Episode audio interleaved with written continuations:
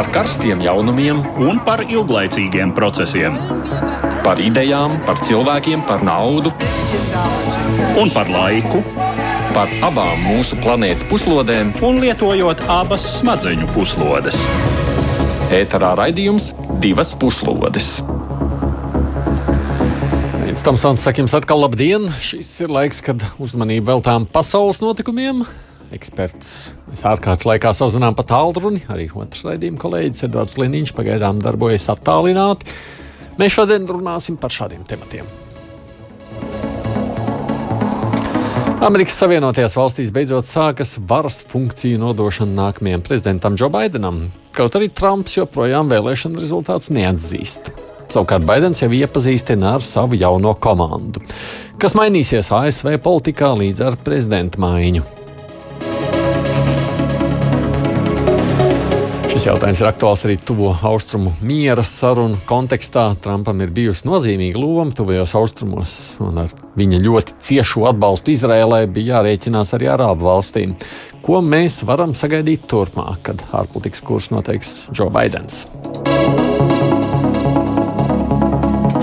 Atsevišķu laiku veltīsim vienai valstī, tepat Eiropā. Bulgārija visu vasaru un rudeni tur notika protesti pret valdību, pieprasot premjeru atkāpšanos. Viņam tomēr ir izdevies saglabāt varu, cenšoties politiski izdzīvot. Viņš sācis aktīvi spēlēt nacionālo kārti. Tajā šķiet lielākie zaudētāji ir ziemeļmaķedonieši. Runāsim par to, kāpēc tas tā.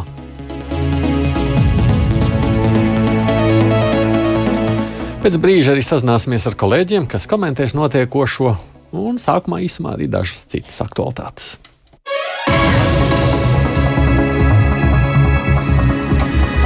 Ziņas, kas saistītas ar Covid pandēmiju, šajā nedēļā ir bijušas ļoti dažādas. Ir valsts, kurās atskan optimistiskāks notis, Lielākoties tās saistās ar gaidāmo Ziemassvētku laiku. Francijas prezidents Emmanuels Makrons otrdien paziņoja, ka valstī stingrais karantīnas režīms varētu tikt atcelts 15. decembrī, bet veikali, kas vairākas nedēļas bijuši slēgti, varēs darbu atsākt jau sestdien. Stingrie ierobežojumi esot devuši labus rezultātus. Arī Lielbritānija uz Ziemassvētku periodu mīkstinās sociālās distancēšanās un ceļošanas ierobežojumus, lai ļautu svētkus svinēt kopā līdz trim maisaimniecībām. Tiesa te runa ir vien par piecām dienām svētku laikā. Netiek slēpts arī bažas, kādas sekas šai svētku nedēļai varētu būt. Vēl īsāku brīvo brīdi sola Vācija, kur gan situācija turpina pasliktināties. Kafejnīca nestos arī atvers vietums Spānijā. Tikmēr daudz vietā Eiropā par karantīnas mazināšanu vēl netiek runāts. Kārtībā antirekordi ir sasniegti Itālijā, kur pēdējās dienās ir milzīgs mirušo skaits. Šobrīd galvenā uzmanība pievērsta ir vakcīnu ražotājiem. Tieši vakcinēšanās ir kļuvusi par lielāko cerību, kas ļautu nākamajā gadā atgriezties pie normālas ikdienas dzīves. Lai arī pavasarī šķita, ka pandēmija varētu palīdzēt mazināt atmosfēras piesārņojumu un cīņā ar globālo sasilšanu, pēdējie dati rāda, ka tā tas nav noticis. Situācija turpina pasliktināties, un, kā ziņo apvienotās nācijas, siltumnīca efektu izraisošo gāzu līmeņi atmosfērā pagājušā gadā sasnieguši jaunus rekordus un ir turpinājuši pieaugt arī šogad, neskatoties uz visiem pandēmijas izraisītiem ierobežojumiem. Pasaules meteoroloģijas organizācija norādījusi, ka piesārņošanas tempi gan ir mazinājušies, bet tie nav mazinājuši siltumnīca efektu izraisošo gāzu koncentrāciju, kas aiztur siltumu atmosfērā. Līdz ar to paaugstina temperatūru, izraisa jūras līmeņa celšanos un veicina ekstrēmus laika apstākļus. Šīs straujā temperatūras palielināšanās turpina raisīt bažas visā pasaulē. Koronavīrus šogad ir iezīmējis nebijušas līknes daudzu valstu ekonomiskajos rādījumos. Neviena valsts ziņo par nebijušiem kritumiem un arī kāpumiem. Piemēram, Lielbritānijas ekonomika šogad samazināsies par 11,3%, un tā būs straujākā lejupslīde vairāk nekā 300 gadu laikā. Tā liecina trešdien publiskotās valdības prognozes. Vērienīgā ekonomikas lejupslīde likusi Britu valdībai palielināt aizņemšanos. Kopumā valdības aizņēmuma apjoms sasniegs 19% no IKP, kas ir augstākais līmenis miera perioda vēsturē. Savukārt ASV haina ir neparasti pretrunīga. Tur iekšzemes koprodukts šogad, trešajā ceturksnī, salīdzinājumā ar attiecīgo laika periodu pērn, palielinājies par vairāk nekā 33%. Tādējādi ir reģistrēta straujākā izaugsme kopš šo datu apkopošanas sākšanas 1947. gadā. Tas ir noticis pateicoties ASV valdības apjomīgākajai ekonomikas stimulēšanas programmai gandrīz 3 triljonu dolāru apmērā, lai censtos mazināt pandēmijas ietekmi. Savukārt otrajā ceturksnī ASV ekonomika gada griezumā saruka par 31,4%, kas savukārt, savukārt bija visu laiku straujākā lejupslīde. Uzbāzīga ticība sludinātāji daudziem nepatīk, bet nu, Krievijā tas ir īpaši bīstami pašiem ticīgajiem. Tur ir sākta jauna krimināla lieta pret Jehovas lieciniekiem, kurus austrumu kaimiņi ir aizlieguši kā kaitnieciska organizācija. Jauna izmeklēšana sākta uz aizdomu pamata, ka atsācis ir darboties Jehoviešu vadības centrs un arī vietējās filiāls. Šī iemesla dēļ vairāk nekā 20 reģionos visā valstī tiek veikts kratīšanas, ir vairāk cilvēku apcietināti. Krievijā Jehovas liecinieki ārpus likuma tika pasludināti pirms trim gadiem, un kopš tā laika ir aizstāti vairāk desmit liecinieku un arī simtiem izvirzītas krimināla apsūdzības. Statistika rāda, ka valstī pavisam ir 175 tūkstoši Jehovas liecinieku, bet nu viņi nedrīkst vairs pulcēties. Vairāk Jehovas liecinieku kopš pagājušā gada vasaras esot slepus satikušies kādā dzīvoklī Maskavā. Tur esot apsprieduši reliģiskus tematus un pievērsuši savai ticībai vairākus maskaviešus. Tā sūdzas Krievijas izmeklētāji. Un vēl reizēm mēs kurnām par neefektīvo sociālo sistēmu Latvijā. Ko lai saka ASV iedzīvotāji, kur valstī esot tiešām bardaks? Kalifornijas štata bezdarbnieku pabalstu maksāšanas sistēma izrādījusies tik slikti funkcionējoša, ka štats ir apstiprinājis vairāk nekā 140 miljonu dolāru izmaksāšanu bezdarbnieku pabalstos vismaz 35 tūkstošiem cietumnieku. Tajā skaitā labi zināmiem notiesātiem slepkavām. Tā otrdien paziņoja vietējie federālie prokurori. Pabalstu saņēmuši pat 133 cietumnieki, kas notiesāti uz nāvi. To, ka tas tā notiek, izmeklētāji noskaidrojuši noklausoties ieslodzīto telefonu sarunas. Schēmās var bijuši iesaistīti cilvēki ārpus cietuma, tie ir lielākoties ieslodzīto draugi vai tuvinieki, kas saņēma šos pabalstus. Ironija, ka ieslodzītie lietojuši pat izdomātus vārdus, piesakoties pabalstiem, un neviens to nav pamanījis. Viens no neīstajiem vārdiem, kam piemēram pārskaitīts bezdarbnieku pabalsts, ir bijis piekakātas bikses.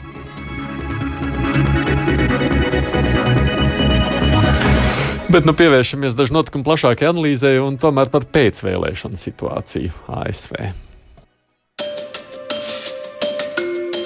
Pirmdien ASV vispārējo dienestu pārvaldes vadītāja Emīlija Mērfija paziņoja par atļauju uzsākt funkciju nodošanas procesu jaunievēlētā prezidenta Džo Baidena administrācijai.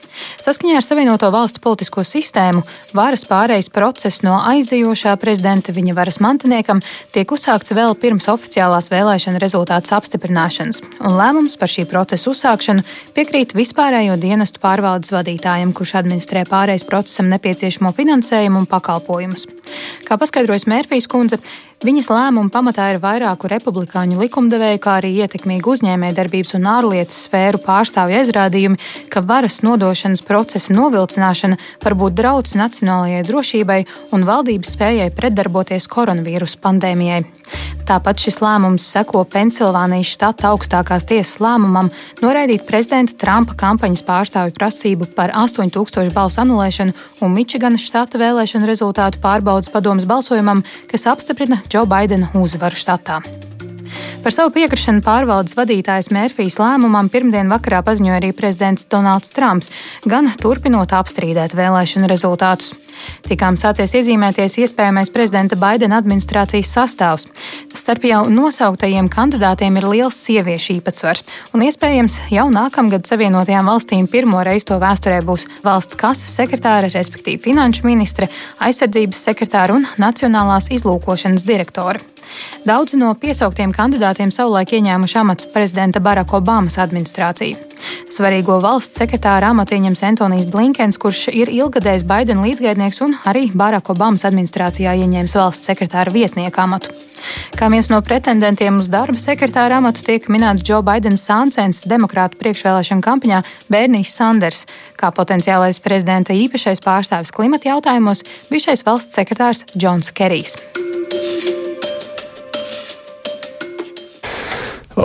Pirms es piesaku, jeb sasveicinos ar klausītājiem, es izmantošu to, ka mēs esam tieši ētrā. Tā tomēr, protams, līdz ar to ir iespējams arī pateikt jaunākās ziņas, kas nav saistītas ar ārzemēm. Tas ir tikko atnācās ziņas par to, kāda ir statistika Covid kontekstā, un tā diemžēl ir ļoti, ļoti nepatīkami.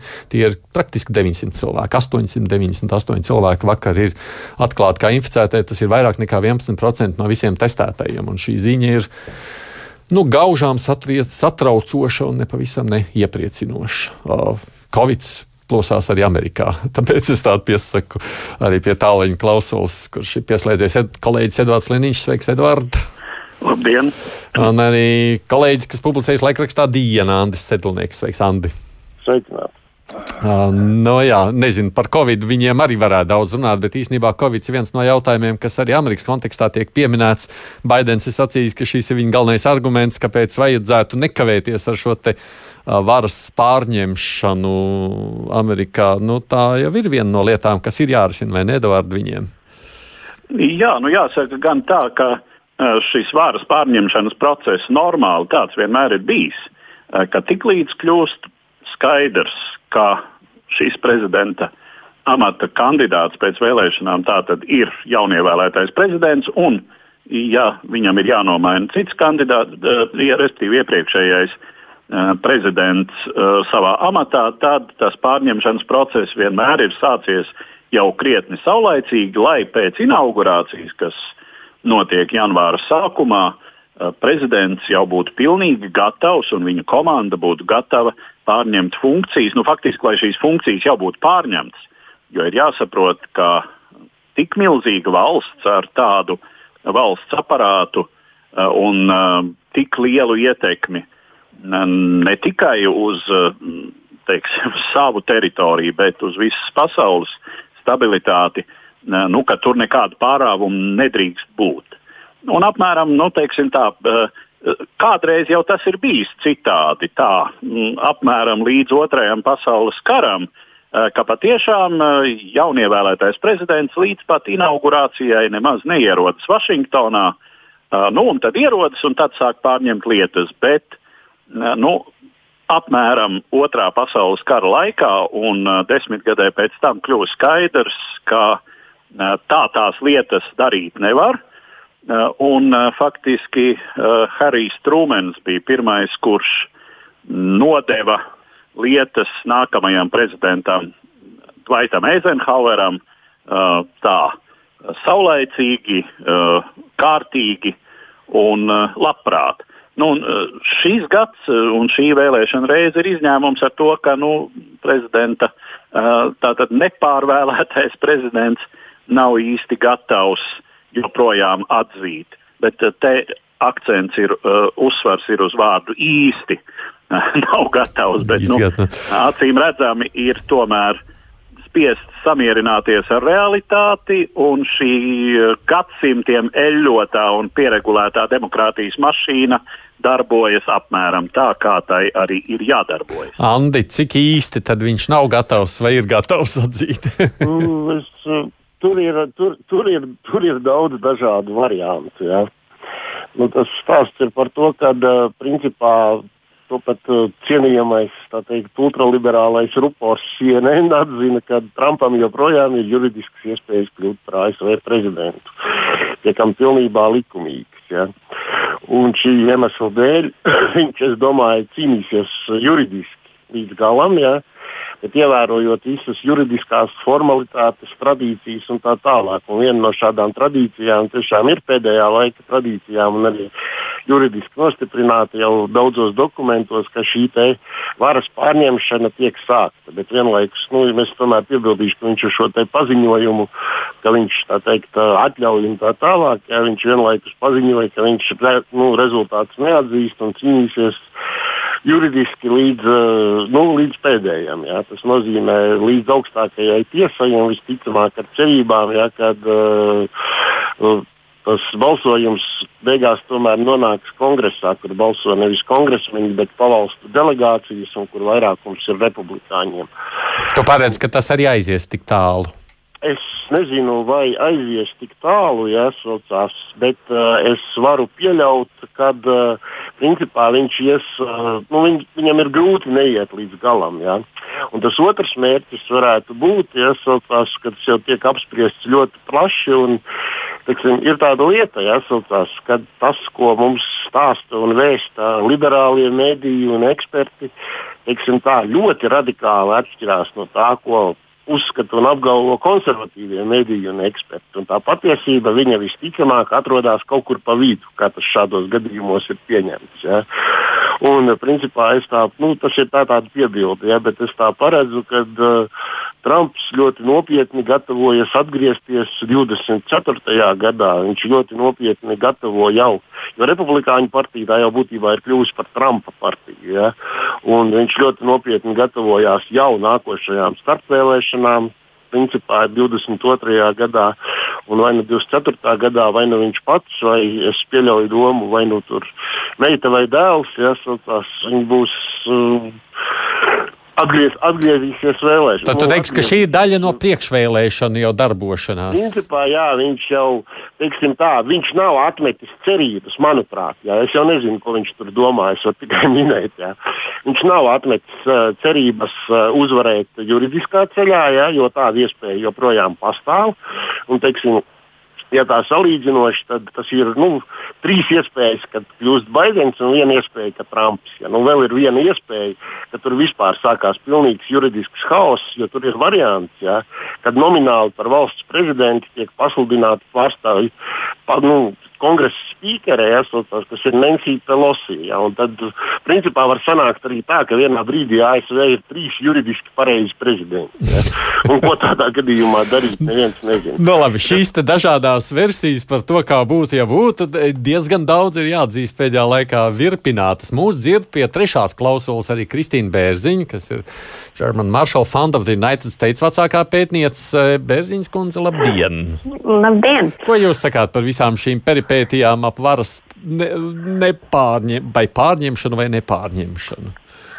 Man liekas, ka nevajadzētu aizrauties ar kaut kādām teorijām par pilnīgu hausu un varas nepārdošanu Amerikas Savienotās valstīs. Un kurā gadījumā tas pēc no iepriekšējā runātāja teiktā, ka varētu būt ceturdaļa, nu, 25% iespēja tādam iznākumam, to nē, nu, nevienā vietā es to neredzu. Cik jūs Jā, redzat to... iespēju, ka viņam vēl ir kaut kāda cerība? 1%, 10, 15. viņam līdz šim viņam visi juridiskie ceļi nav iznākuši. Jā. Vienīgais tiesās principā viņš ir pilnīgi izgāzies. Viņam nav bijusi, bijis iemesls, nav bijis juridiski iemesla apstrīdēt vēlēšanu rezultātus. Un tiesās ir atšķirība liela arī jūtama starp to, ko piemēram Rudijs Giulianis, viņa advokāti ir teikuši preses konferencēs vai ko runā mēdījos ziņās, un kādus argumentus viņi pielieto tiesā. Jo atšķirībā no tā, ko drīkst teikt mēdījos un, un ko drīkst teikt tiesās, tu, tur ir svarīgi tas, ka tiesā nedrīkst melot. Ja tiesā melo, tad par to ir arī krimināla atbildība. Tāpēc tik agresīvus argumentus, tādus, tā, tādus nostājas, kas tiek paustas par to, ka kaut kādas ka netaisnības vai viltojumi ir bijuši tie, tagad tajās vēlēšanās, tādi argumenti netiek tā, pausti tiesā. Tāpēc, ka par melošanu ir krimināla atbildība advokātiem tiesā. Un tāpēc ir ļoti citādāka pieeja tur, kur tomēr nedrīkst melot, un tur, kur varbūt nav atbildība tāda par, par to, ka tu kaut ko pareizi vai nepareizi pasaki. Mm -hmm. Ko tu Andris? Arī ir, un arī, ir arī atšķirības arī tajā republikāņu partijā. Jā, protams, Trumpam ir bijusi milzīga ietekme uh, pār republikāņu partiju, un ļoti reti, kurš republikānis grib uh, publiskā telpā tagad teikt, ka Trumpam nav taisnība un viņam likt kaut kādus spiedienus. Pēc manas saprašanas ir tā, ka tomēr slēgtās slēgtās privātās sarunās ir ļoti liela saprāšana republikāņu vidū, ka Baidens kļūs par prezidentu. Ka prezidentam Trumpam ir jāpiekāpjas, un tomēr arī demokrātijai ir jāturpina darboties tādā iecerētā un arī pareizā veidā. Tāpēc tas, ka būtu kaut kādas tiešām netaisnības šajā vēlēšanu laikā un pēcvēlēšanu laikā, uh, es, es neapgalvoju, ka tā būs. Ko tu saki, Anta, par šo dažādo retoriku? Nē, nu, tur jau ir tā lieta, tas ir, ko es teicu, ka viedokļi ir ļoti dažādi. Jāstulpāt. Es, piemēram, man uh, vakar nebija slinkums. Giuliani uh, uzstājās Pensilvānijas pavalsts republikāņu komitejā. Ja. Tas ir, nu, kā tautas valodā saka, tāds kā republikāņu tusīņš. Ja. Un, teiksim, ja taisnība ir kaut desmitā daļa no tā, ko viņš tur stāstīja, ja, tad, tā teikt, ja viņi kaut desmito daļu no tā visa spēs pierādīt tiesās, ja, pie kam, kas ir ļoti būtiski šajā gadījumā. Tā ir Amerikas sistēma tāda, viņi ļoti daudz trumpjus traupa uz augstāko tiesu. Ja? Tas ir kā trumpja kārtas, kur nevarēs nosakt. Viņiem patiesībā viņiem nav vajadzīgs. Ja? Nē, nu ir, protams, vēlams, ja? bet galīgi nav vajadzīgs, lai šīs pavalstu tiesas ja, tur apstiprinātu. Viņiem pat pietiek ar to, ka pavalsts tiesa šo noraida. Viņi visas cerības saista acīm redzami ar augstāko tiesu, kur pārliecinoši vairākums ir republikāņiem. Ja. Tas ir tas pirmais punkts. Bet tas stāsts ir par to, ka gadījumā, ja ir taisnība, ja tas ir pierādāms. Jā. Es nezinu, vai tas ir pierādāms vai tas nav pierādāms. Jā. Ir kaut desmitā daļa no tā, ko viņš stāsta. Tad uh, Amerika arī pēc Baidena stāšanās amatā gaida nebeidzamas tiesu prāvas, skandāli un tā tālāk. Un tā tālāk. Un tas, tās apsūdzības Trumpam, kas bija saistībā ar uh, ar kaut kādiem sakariem ar Krieviju. Tas vispār nekas salīdzinot ar to, ja, tas, kas gāzīsies par Baidenu ja, saistībā ar vēlēšanu rezultātu iespējamo viltošanu. Un tas, principā, tas ir tas veids, es pieļauju domu, ka tas ir tas veids, ja, tas, kā, kā Trumps un uh, viņa atbalstītāji gatavo savu atgriešanos. Viņi Jā. radīs iespēju, teiksim tā, viņi nemitīgi visu šo gadu garumā apšaubīs un apšaubīs Baidena leģitimitāti. Ko jūs sakāt par nākošajiem gadiem? Kas tur varētu notikties tālākajos gados?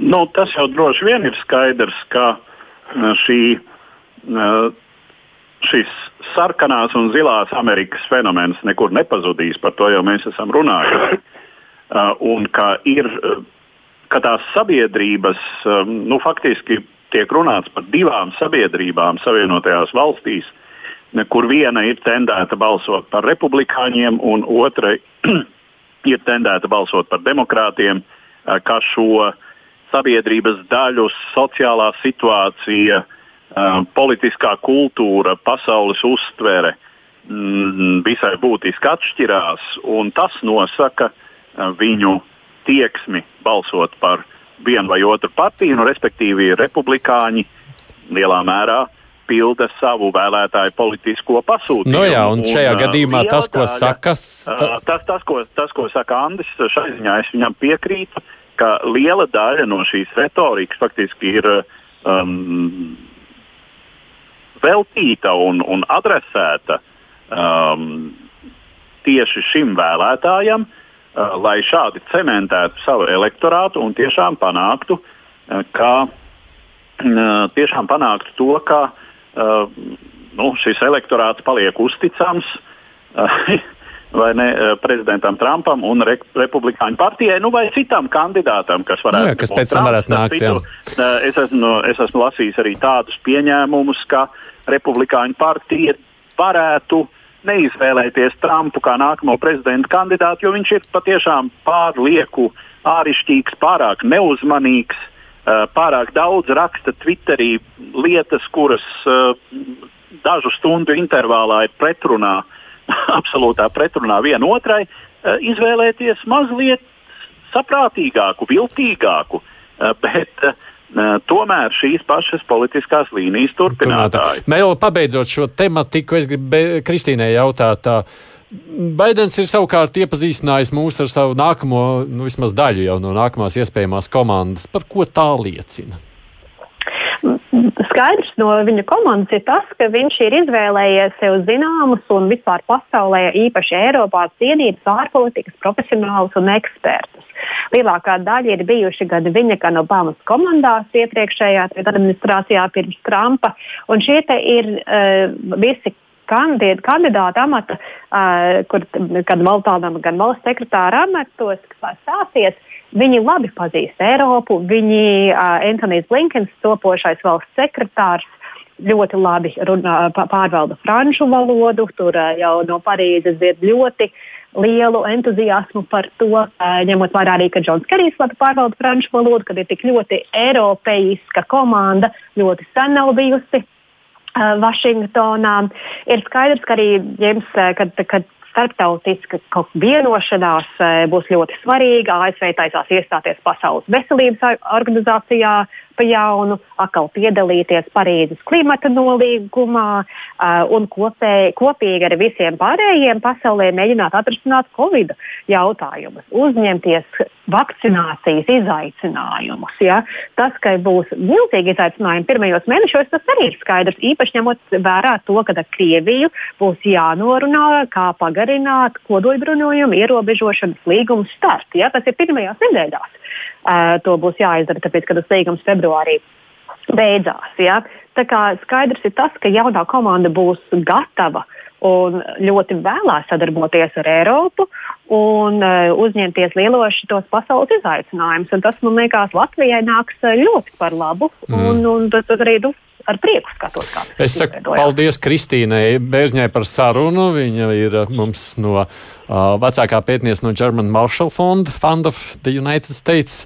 Bet, uh, ja par pārmaiņām runājam, uh, jautājums arī, kā šie notikumi, kas uh, notiek Amerikā, ietekmēs tuvu austrumu politiku. Vispirms gan nē, paklausāmies tātad faktu apkopojumu par šiem jautājumiem, notikumiem no tuviem austrumiem. Pirmdien Izraels medijos izpaudās ziņa, ka naktī no svētdienas uz pirmdienu premjerministrs Benjamins Netanjahu izlūkdienesta Mossad šefa Josija Koena pavadībā devies uz Saūda-Arābijas pilsētu Neomu, kur slepeni ticies ar Saūdu kruņprinci Mohamedu bin Selmānu un Savienoto valstu valsts sekretāru Maiku Pompeo, kurš atrodas Neomā oficiālā vizītē. Ja tas ir tiesa, tad šī ir vēsturē pirmā Izraels un Saūda-Arābijas augstākā līmeņa vadītāju sastapšanās. Pagātnē Saūda monarhija divreiz, 1948. un 1973. gadā, piedalījusies Arābu valstu kara darbībā pret Izraelu. Starp abām valstīm joprojām nav diplomātisku attiecību, taču jau kopš 80. gadu vidus vērojama zināma tuvināšanās un aizkulisku kontaktu abu valstu starpā. Arī šajā gadījumā gan premjerministrs Netanjahu, gan valsts sekretārs Pompeo izvairījušies komentēt ziņas par minēto slepeno tikšanos. Savukārt Saudārābijas ārlietu ministrs Princis Feisals bin Farhāns savā Twitter kontā noliedzis, ka tāda būtu notikusi. Vairākums novērotāji gan neapšauba tikšanās faktu, norādot, ka tas ir vēl viens apliecinājums Izraels un vairāku arābu valstu tuvināšanās procesam, veidojot pretsvaru Irānas un pēdējā laikā arī Turcijas ietekmē tuvijos austrumos. Šo procesu ļoti jūtami veicinājuši Savienoto Valstu prezidenta Donalda Trumpa administrācijas aktivitātes, un tieši Trumpa prezidentūras laikā Izraela noslēgusi vēsturiski vienošanās ar Bahreinu, apvienotajiem Arābu Emirātiem un Sudānu. Tiek lēsts, ka vienošanās ar Saūda-Arābiju gan būs krietni grūtāks uzdevums, jo Saūda monarhija tradicionāli ir bijis viens no Palestīnas atbrīvošanas organizācijas atbalstītājiem, un šo līniju joprojām aizstāv liela daļa Rijādas valdošo aprindu.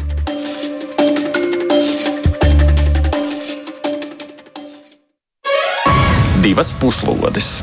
Man kādiem telefoniski pie klausulas kolēģi Anna Sedlnieks, Edvards Liniņš. Šeit pievienojas mums arī TVN žurnālists, Straņu universitātes doktorants politologs Toms Rātfelders. Sveiks, Tom, arī tev! Sveicināt! Kāda ir bijusi tieši tā Trumpa loma tajā, ka tās attiecības starp Izraēlu un Arābu valstīm ir tā uzlabojušās? Tom, kā tu to sacītu? Uh, nu, uh, sāksim ar to, ka varbūt uh, nedaudz ieskicēt, ka Izraels-Palestīnas konflikts uh, mūsdienu to austrumu starptautiskās attiecībās vairs nav tas uh, noteicošais jautājums. Uh, tagad uh, lielākās galvas sāpes uh, visiem ir par to, ko darīt ar Irānu. Uh, tās reģionālo lomu, agresīvu ārpolitiku un arī ar saistību ar kodola ambīcijām. Un, Trumpa principā pieeja Irānas jautājumu risināšanai bija tāda, ka viņš centās šo valsti maksimāli teikt, iegrožot, maksimāli izmantot um, sankciju mehānikas, um, arī diplomātiskās spiedienu mehānikas, nu, tā teikt, uh, ar varu uh, mainīt uh, tās ārpolitisko, ārpolitisko nostāju. Un viens no arī pamatelementiem, ko um, nu, kas, ko principā paredzēja šī Trumpa pieeja, bija vienotas frontes veidošana. Uh kuru, kur to šo fronti respektīvi ietvērtu tad, uh, attiecīgi līča valstis, kas ir Saudārābija, Bahreina, apvienotie Arābu Emirāti, Omāna, Katara un arī Izraela, kas arī, nu, kā mēs zinām, ir diezgan liels Irānas teikt, pretinieks. Un uh, Trumps, Trumpa administrācija ir uh, centusies uh, nu, panākt, lai uh, šīs attiecības līdz ar to starp šiem spēlētājiem kaut kādā veidā vairāk, vairāk tuvinātos uh, un uh, tiktu principā, mm, varētu teikt, juridiski uh, atzīts tas, kas notiek jau realitātē jau diezgan ilgu laiku.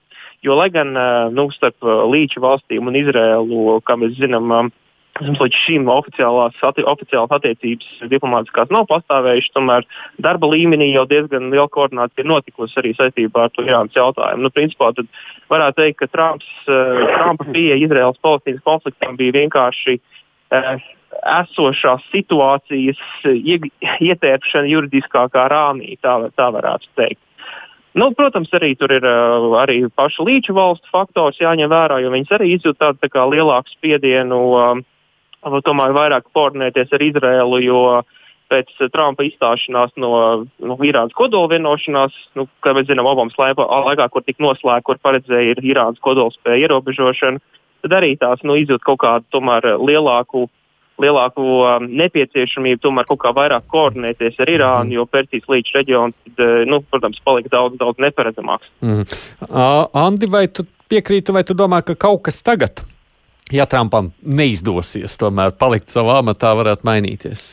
Mm, es godīgi sakot, tā virzība, jā, tas ir, ir tāds speciāls termins, ābramiskā vienošanās, jeb abramiskais līgums, ar to saprotot, nu, tāds reliģisks, termins, teiksim, abramisko reliģiju sekotāji, kuriem tā teikt vajadzētu tur savienoties un solidarizēties un tā tālāk. Un es pilnībā piekrītu tam, ka būtībā tas ir, tā bija esošo, tas, ko izdarīja Trumpa administrācija, tā bija esošo tendenci, ja, teiksim, veidot tādu proamerikānisku valstu bloku, ja, saucās pātrināšanu un pastimulēšanu diezgan lielā mērā. Un arī tā skaitā sunītu valstu teikt, izlīguma ar Izraēlu kāda nebūtu atrašana. Ja?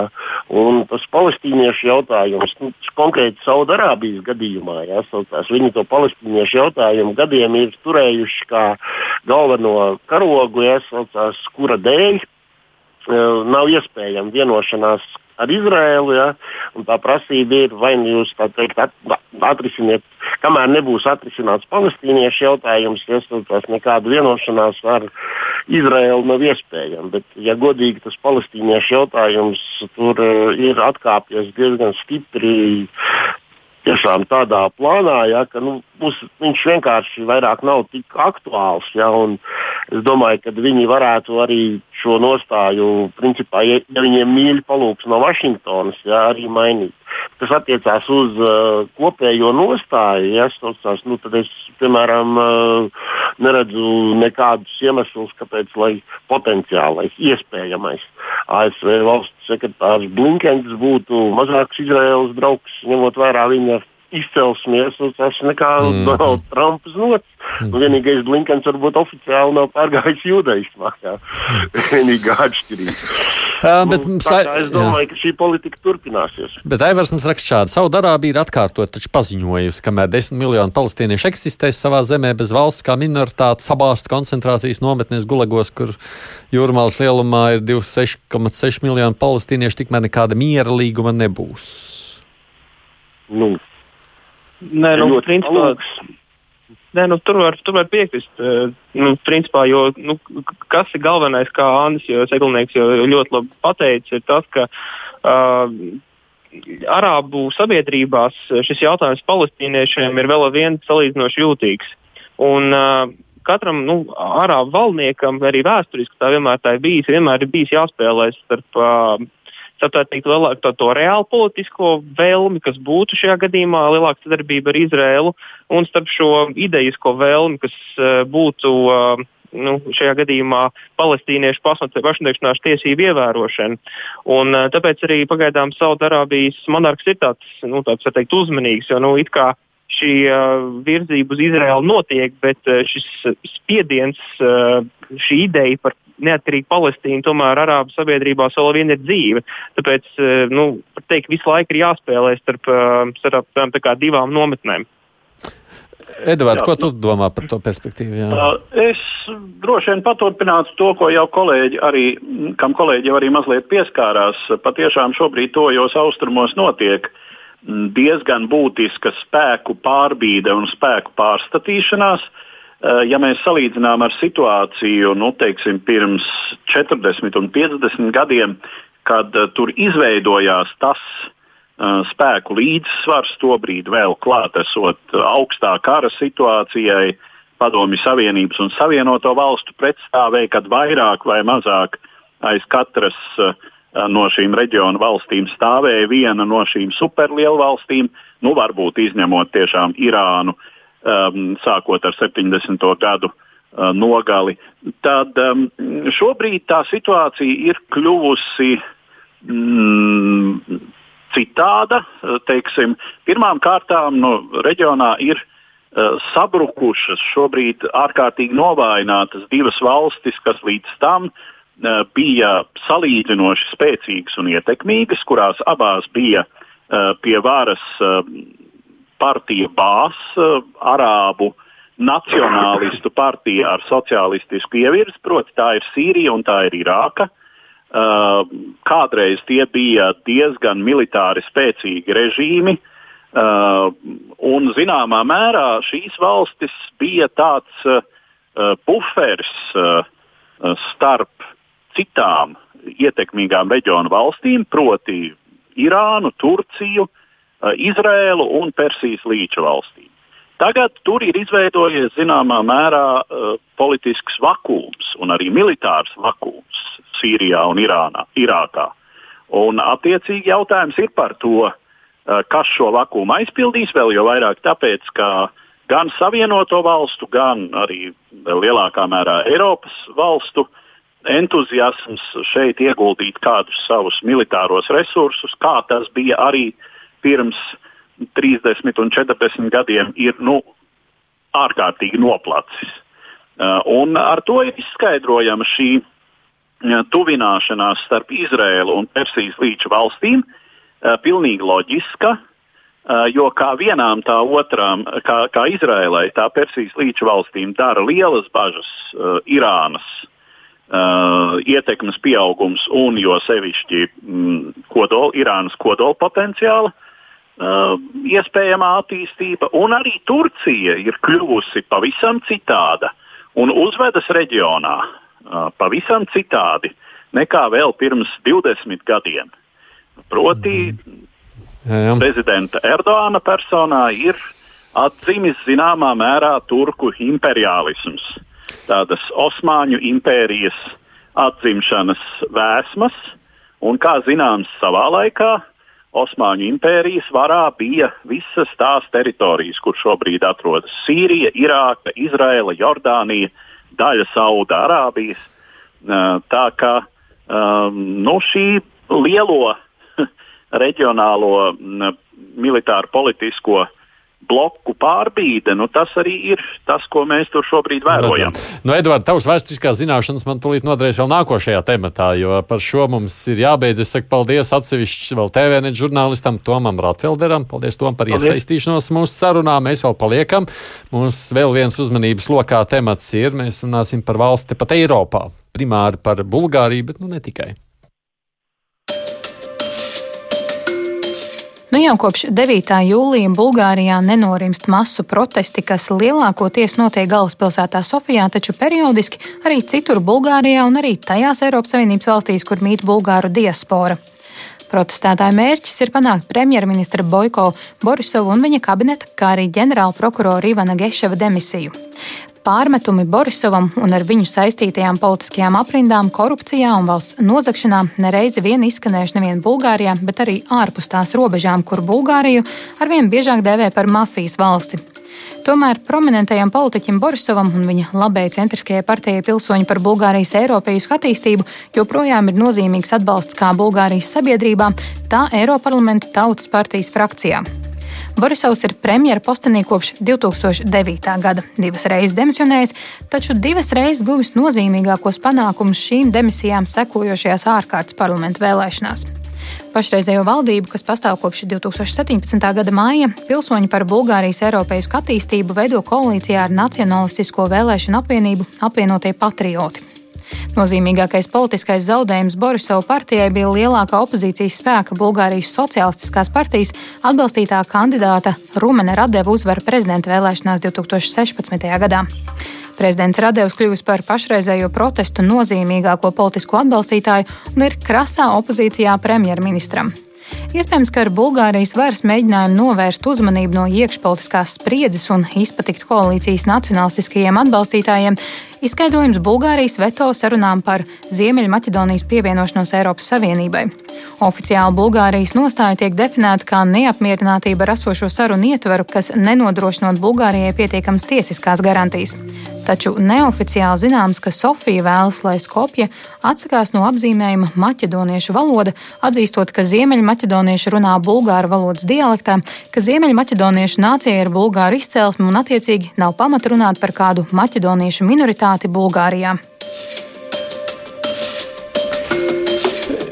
Es neko daudz par Ziemeļmaķedonijas un Bulgārijas tām savstarpējām saitēm atzīšos nezinu. Viņiem ir viena vēsture.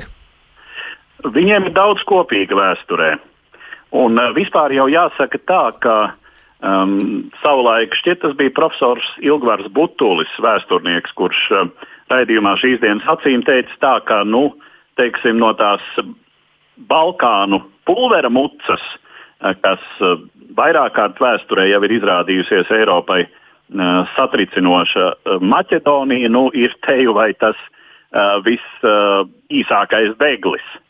Proti, tā ir teritorija, kur ir ļoti jaukts etniskais sastāvs.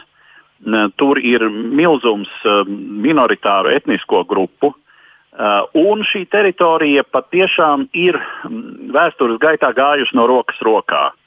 Uh, jau kopš viduslaikiem, faktiski kopš Bulgāru valsts izveidošanās, uh, kas ir um, mūsu ēras 8. gadsimts, ja atmiņa man nebija.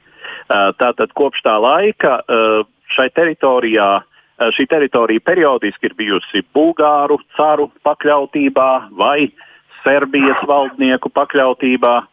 Uh, un uh, lielākā grupa tur ir šie cilvēki, kas sevi dēvē par maķedoniešiem, uh, kas ļoti nepatīk grieķiem.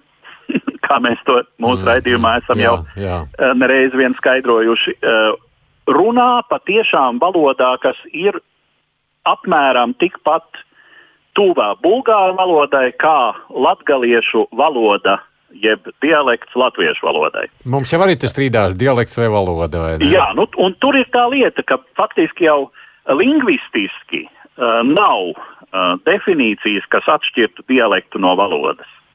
Uh, tādas definīcijas faktiski tas ir, politi, tas ir uh, tradīcijas un uh, politiskās konvencijas jautājums.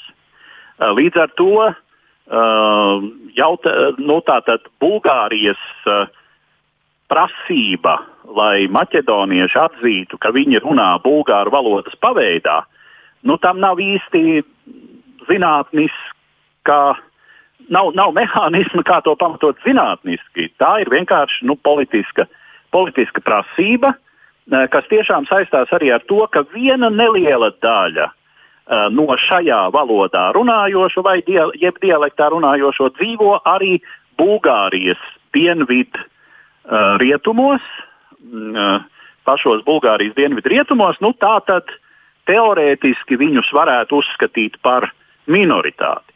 Lai gan, ja mēs domājam par tādu nopietnu politisku loģiku, tad, protams, Ziemeļmaķedonijas iestāšanās Eiropas Savienībā, jebkādas problēmas Ziemeļmaķedonijas un Bulgārijas starpā, kas varētu saistīties ar šo cilvēku etnisko uh, mm, piederību kaut kādām autonomijas prasībām, tam līdzīgi varētu tikai mazināt un atvieglot. Nu jā, redz, no šāda viedokļa skatoties, Andi, uh, it kā liekas, ceļš uz Eiropas Savienību būtu tikai loģisks, lai šo spriedzi mazinātu, bet šobrīd izskatās, ka Bulgāri tieši otrādi liek priekšā kāju.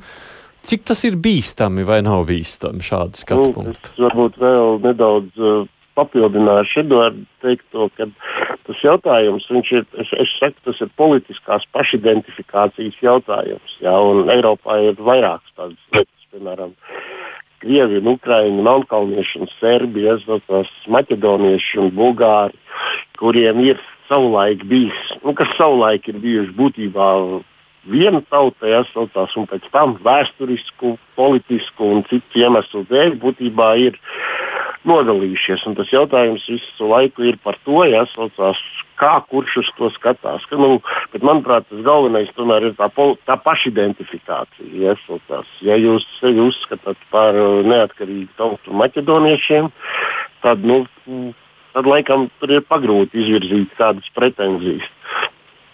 Tas ir nu, tas tāds īsts, tā tāda īsta piebilde. Un, uh, bet kas attiecās uz Balkāniem un Balkānu dalību Eiropas Savienībā, tad tā, manuprāt, ir uh, ņemot vērā, ka šī netuva nav vienīgā pulvera muca, kas tur pastāv. Jā, tad uh, es tā teikt, nevarētu teikt, ka es esmu īpaši drošs, ka Eiropai tas uh, no vienas puses, jā, es, protams, saprotu, tur vērtību izplatība un viss pārējais, jā, bet no otras puses tās pretrunas viņas tur sniedzas tādos gadsimtos, jā, un visi šie jautājumi, kad es nezinu, vai tas ir tas, jā, tas, ko, kad, nu, principā, ka arī Eiropa diezin vai ir spējīga to visu atrisināt, jā, un varbūt labāk tomēr ir tikt skaidrībā ar šiem jautājumiem pirms iestāšanās iespējamās Eiropas Savienībā. Bet vai tas ir izdarāms, es nevaru atbildēt. Nu, lūk, vai tas ir, vai Bulgāriem būs iespējas atrisināt šo ar Ziemeļmaķedoniju nu, pirms iestāšanās? Jāsaka, ka Bulgārijai jau nu tomēr ar Ziemeļmaķedoniju salīdzinoši nekādu ļoti nopietnu pretrunu nav. Mēs zinām, ka Grieķija ļoti ilgi sacīt, lika kāju priekšā. Tur varbūt tās uh, uh, problēmas ir lielākas. Uh, mm, bet tās jau ir atrisinātas. Bet tās, jā, bet tās tika atrisinātas uh, mainot valsts nosaukumu. Nu, kas, mm. protams, ir. Mēs iedomājamies, ko nozīmē not, vienai jā, valstī jā. vienkārši nomainīt nosaukumu. Jā. Ja? Uh, es, es kaut kā nestādos priekšā, ka teiksim, kāda no Baltijas valstīm jebkādā situācijā varētu piekrist mainīt savu nosaukumu. Um, attiecīgi, uh, Bulgārijai nu, šīs tiešām ir, tomēr var spriest drīzāk situatīvas tādas problēmas. Jā, Bulgārijā ir nacionālisti, kuri, mm, ultranacionālisti, kuri atceras to, ka savā laikā, 19. gadsimtā, šī teritorija tika pat piešķirta Bulgārijai. Uh, bet pēc tam Uh, un arī 20. gadsimta sākumā, um, Balkānu karu laikā, bet nu, pēc tam kaimiņu valstis, nevēlēdamās pārāk lielu Bulgāriju, pārāk spēcīgu valsti, tomēr šo tagadējo Ziemeļmaķedoniju no Bulgārijas atrāva. Uh, bet, uh, nu, kā jau teicu, iekļaujoties vienā šai lielajā kopumā Eiropas Savienībā, šīs problēmas var tikai mazināties. Bet, ja runājam par pašu Bulgāriju, savukārt, vēl ir vēl trīs minūtes tam laika, tur kaut kādas pārmaiņas. Mm, tas ir stāsts par viņu iekšpolitisko problēmu risināšanu, kāpēc šis ir kļuvis tik aktuāls tagad. Nu, protams, ka tur ir uh, saistība ar iekšējām problēmām, un tas, protams, ir jā, nu, trīs minūtēs. Uh, to mēs neizrunāsim, runāsim acīm redzot kaut kad vēlāk, uh, jo nu, tur tā situācija ir ļoti interesanta. Ka šī valdošā partija un šis premjerministrs no vienas puses nepārprotami nu, ir viņam grēki šai korupcijas sakarā un, un problēmas ir. No otras puses, joprojām viņam ir pietiekami liels elektorāta atbalsts. Un tur nu būtu jāņem un, un jāveltī tam krietnāka daļa raidījuma, kāpēc tas tā ir. Jā, Andi, ko tu saki par Bulgārijas nu, politiku? Principā, nu, principā Bulgārijas premjeram tagad ir jāvelk līdz martam, kad ir paredzēts nu, nu, pēc saraksta vēlēšanas. Jā. Kārtējās Protams, vēlēšanas. Jā, tur jā. ir iekšpolitiskās problēmas. Un viņš ir jau tā joprojām viņa partija, un viņš pats joprojām ir populārākais politiķis. Bet viņiem nav vairāk, nu, teiksim tā, nevar uz, izveidot vienpersonisku valdību. Ja. Ap, ap, pret, apmēram trešdaļu viņi parasti dabū vēlēšanas. Pretruns starp tiem pārējiem ja, ir nemazāks. Ja? Un arī pārējie nevar. Nu, tā ļoti ātri un dažos vārdos. Ja? Un tāpēc tur, nu, tur ir visi šādi varianti iespējami. Bet, nu, kad tā, ja, tās apsūdzības visā tajā, ja, ir īpaši izdabāšanā vietējiem oligarkiem, nu, viņas nav bez pamata. Un, uh, nosaukt viņu par godu vīru arī gluži nevar. Bet tas, pabeidzot ar to, ko mēs savukārt iesākām, tas nozīmē, ka šobrīd abām valstīm, Ziemeļmaķedonijai un Bulgārijai, kaut kāda vienošanās būs jāpanāk, vai? Jāmēģinā, nu, bet cik tas ir reāli, es nezinu. Nē, es domāju, ka tas ir diezgan reāli. Un, um, i, nu, katrā ziņā Bulgārija visdrīzāk ir ieinteresēta šo vienošanos panākt. Nu, tā, ir, tā ir atkal tāda mazliet uh, Eiropas pakacināšana, teiksim tā, un uh, salīdzinoši krietni nenopietnāka, es, es tā domāju, nekā tā ir piemēram Polijas un Ungārijas sakarā un Eiropas daudzgadu budžeta sakarā. Ah, kas nozīmē, ka tu saki, ka kaut kad itin drīz tur vajadzētu. Pie kam, pie kam uh, jāņem vērā, ka te nav runa tikai par Ziemeļmaķedoniju, ir runa arī par Albāniju. Uh, ir diezgan grūti iedomāties, kā varētu Eiropas Savienībā uzņemt Albāniju un neuzņemt Ziemeļmaķedoniju, ievērojot, cik liela tur ir albāņu minoritāte. Mm. Nu, labi, paldies es jums saku abiem par iesaistīšanos šajā raidījumā un interesantu uh, analīzi. Žurnālisti Andris Sedlnieks, publicējis laikrakstā Diena, kolēģis Edvards Liniņš, arī šī raidījuma līdzautors. Edvards pieminētais stāsts par Ungāriju un Poliju un nobloķētām budžeta sarunām, par ko mēs jau runājam pagājušajā reizē, protams, vēl nepavisam nav redzams ar atrisinājumu, un es domāju, kādā no nākamajiem raidījumiem mēs noteikti pievērsīsimies arī šim tematam, skatoties, kā tur lietas virzās uz priekšu. Studijā bija arī es, Aits Tamsons, mūsu producents ir Ieva Zeiza. Paldies arī klausītājiem par iesaistīšanos un klausīšanos. Mēs šeit tiksimies atkal pēc nedēļas, nu tad lūkosim, kas noticis ir atkal pasaules politikā.